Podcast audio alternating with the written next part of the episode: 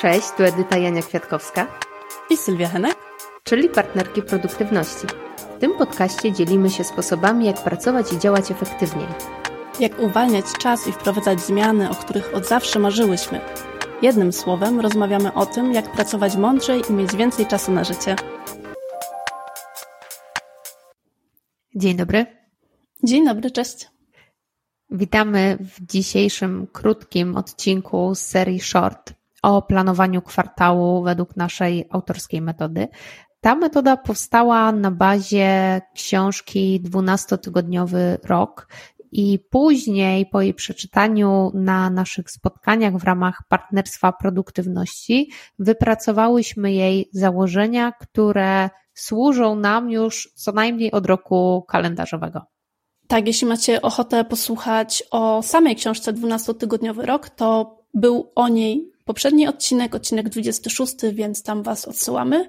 E, I jednocześnie możecie też zajrzeć do odcinka short numer 17, gdzie wstawiałyśmy pięć pytań, które sobie zadajemy na podsumowanie poprzedniego kwartału, a dzisiaj już przechodzimy do planowania metodą 12-tygodniowego roku, plus nasze e, ciekawe, myślę, i skuteczne, przynajmniej dla nas, dodatki. I Edyta opowie o tych pięciu krokach. Zaczynamy nasze planowanie od przede wszystkim wyznaczenia sobie czasu na ten plan. To w naszym przypadku jest 12 tygodni. I to jakby jest punkt wyjścia. Zawsze stosujemy okres 12-tygodniowy. I na bazie tych 12 tygodni opracowujemy sobie, określamy nasz cel, który w tym czasie chcemy osiągnąć. Ważne jest, aby popatrzeć na ten cel przez pryzmat kilku rzeczy. Ja z reguły określam go sobie w sposób taki hasłowy, jak już sobie go wyobrażę, jak już określę, co konkretnie bym chciała osiągnąć w tym terminie. E, następnie zastanawiam się, w jaki sposób w ogóle zweryfikuję, że ten cel osiągnęłam, czyli określam jakieś kryterium spełnienia. Na przykładzie poszukiwania pracy, jak chciałam się przebranżowić, to moim kryterium spełnienia było dostanie oferty pracy. Następnie patrzę przez pryzmat emocji. Pryzmat emocji powoduje, że mamy konkretne nastawienie wobec realizacji tego celu. Też ta obietnica tego, jak będziemy się czuli, ona dodatkowo motywuje, więc warto się zastanowić, jakie emocje będą nam towarzyszyły w momencie, w którym zrealizujemy ten cel. Jeśli chodzi o same cele, to my określamy je sobie w ramach trzech obszarów po jednym celu na każdy obszar, dlatego jak mówiłyśmy też w poprzednim odcinku, za dużo celów to jest strzał w stopę, więc jeśli macie ochotę posłuchać o tym więcej, to Was odsyłamy do odcinka 26. I te trzy obszary to jest praca, to jest dom i to jesteśmy my same. To jest wszystko bardzo szeroko rozumiane. Jeśli macie potrzebę, możecie sobie przemianować te obszary, nazwać je jak potrzebujecie. Jeśli potrzebujecie, mogą to być też, e, nie wiem, jakiś jeden czwarty dodatkowy obszar, na przykład zwierzaki, to mogłoby być u mnie e, i też wcześniej było. E, więc do każdego z takich obszarów dodajemy sobie jeden cel, który określamy właśnie na tyle, konkretnie, na ile tylko możemy. I tak jak Edyta wspomniała, bardzo ważne jest to, żebyśmy mieli świadomość, w którym momencie na koniec tego kwartału, tego 12-tygodniowego roku, będzie można z pewnością określić, osiągnęłam to albo zabrakło mi czegoś.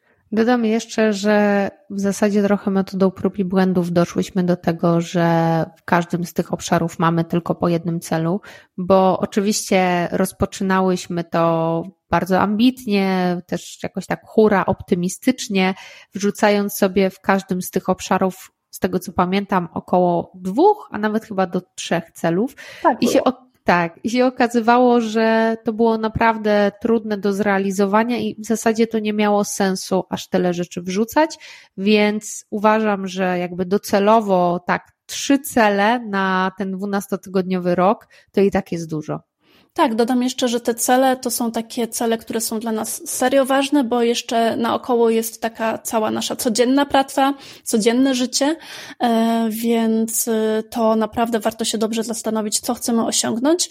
Plus też o tym wspominałyśmy w poprzednim odcinku, że mamy 12 tygodni, potem znowu mamy 12 tygodni i potem jeszcze dwa razy w przeciągu całego roku, więc te cele możemy po prostu teraz parkować i wziąć sobie je na tapet w kolejnym na przykład takim cyklu 12-tygodniowego roku. Chodzi o to, żeby te cele były na tyle duże, żeby zajęły nam te 12 tygodni, ale też, y, żeby nie były na tyle duże, że nas obciążą, więc to na przykład może być zdobycie jakiegoś certyfikatu, czy nauczenie się języka do jakiegoś etapu, który jest możliwy, żeby to zrealizować w te 12 tygodni, czy też na przykład poprawa swojej e, formy fizycznej wszelkie różne takie cele z naszego życia, które dają się rozpisać na 12 tygodni. I jeszcze jedna taka uwaga, jeżeli nie potraficie teraz tak z góry ocenić, czy to jest wystarczająco duży cel, czy nie jest za mały albo za duży,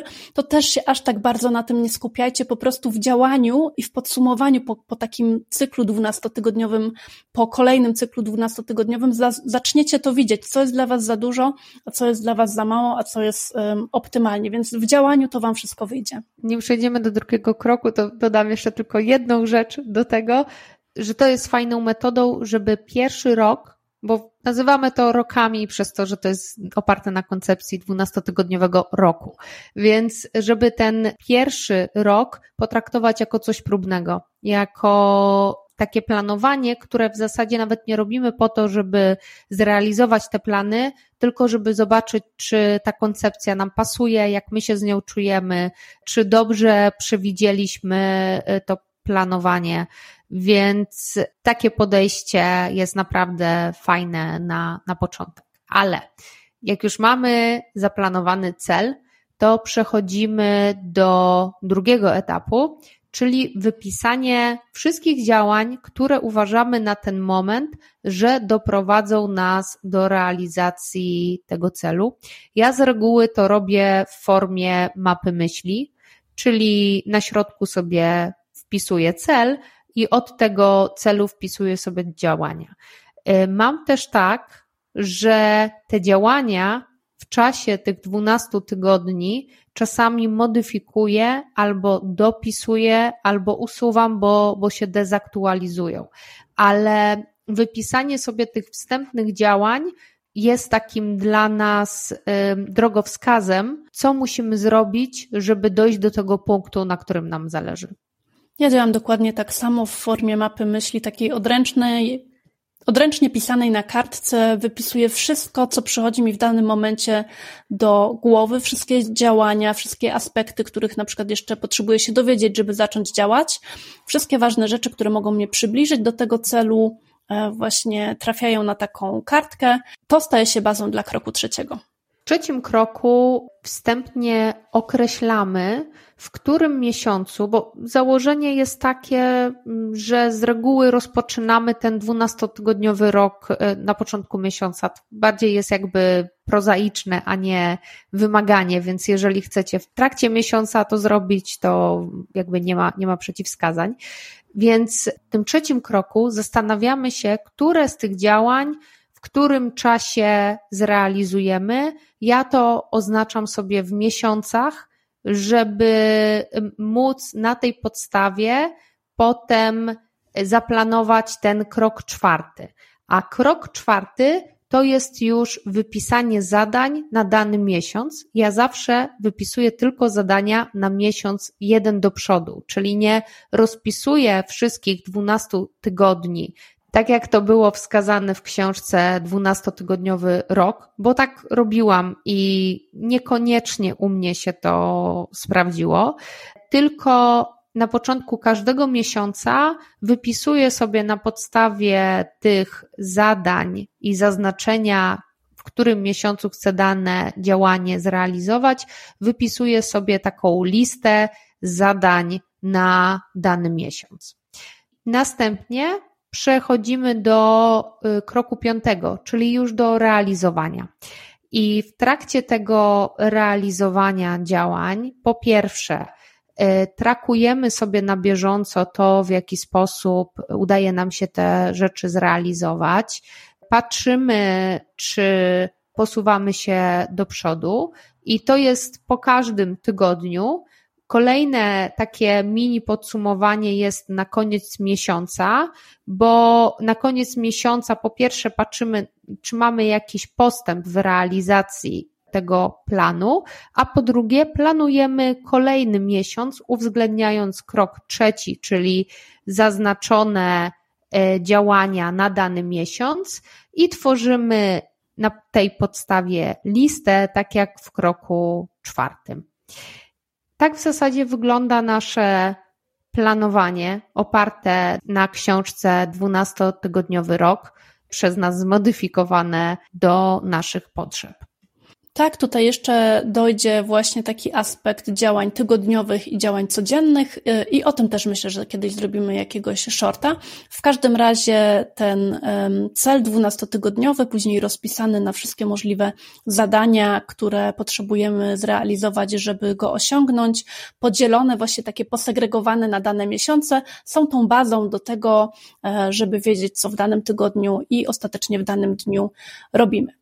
I teraz jeszcze takie, e, myślę, że ciekawe zagadnienie, ile czasu nam to wszystko zajmuje? No właśnie.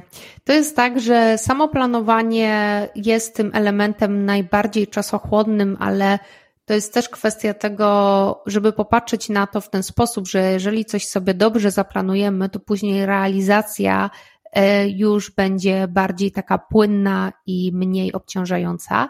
Dlatego na samo planowanie trzeba z reguły tak przeznaczyć jeden dzień, pół dnia, nie wiem, dwie, trzy godziny. To wszystko jest kwestia indywidualna, ale na pewno jest to najbardziej czasochłonny element tego całego procesu. Jednocześnie on jest kluczowy, bo jeżeli podejdziemy do tego tak, że nie mam czasu na planowanie albo w ogóle machnę na to ręką, to wszystko później się będzie sypać, więc nie warto tego bagatelizować, nie warto też podchodzić do tego takiego, mm, do tego tematu z takim pośpiechem na zasadzie, ok, muszę to zrobić, to to odhaczę, tylko faktycznie docenić to jako inwestycję w ten cały cykl 12 tygodni i się do tego przyłożyć. Dodałabym jeszcze, że w zasadzie to planowanie nam już ustawia potem kolejne kroki, bo jeżeli mamy zdefiniowane na etapie planowania działania, to nie musimy o nich myśleć i się nad nimi zastanawiać, bo to jest element, który nam zabiera dużo czasu w sytuacji, w której nie mamy gotowego planu z działaniami. Często samo zastanawianie się, co muszę zrobić, co muszę, nie wiem, sprawdzić, z kim się skontaktować, co napisać i tak dalej, to jest coś, co więcej czasu poświęcamy na myślenie niż na, na działanie, a właśnie cała metoda polega na tym, że to działanie już mamy na wstępie określone. Właśnie, czyli nie chcemy takiej sytuacji, że siadamy do komputera i dopiero teraz zastanawiamy się, co my mamy robić. Potem to samo trakowanie postępu i też refleksja to już są rzeczy, które naprawdę są krótkie, bo trakowanie, no to możemy poświęcić sobie na to, nie wiem, 15-30 minut na koniec tygodnia i to będzie wystarczająco.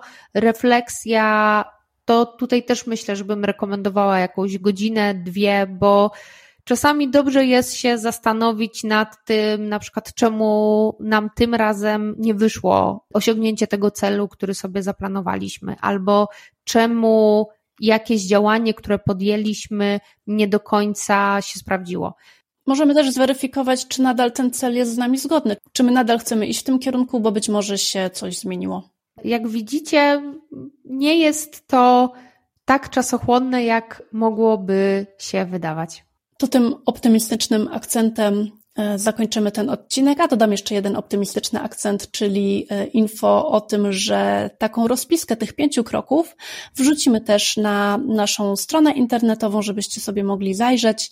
To będzie dostępne pod adresem partnerkiproduktywności.pl ukośnik pp27. Jak partnerki Produktywności 27. Możecie to sobie zapamiętać, bo zawsze pod takim adresem e, notatki z odcinków e, naszych znajdziecie. No i żegnamy się z Wami, życzymy Wam przyjemnego planowania kwartału i zachęcamy też e, do kontaktu z nami, jeśli macie ochotę się podzielić Waszymi wrażeniami z odsłuchania tego odcinka. I zastosowania samej metody. Zachęcamy Was do jej wypróbowania i słyszymy się za tydzień. Trzymajcie się, cześć.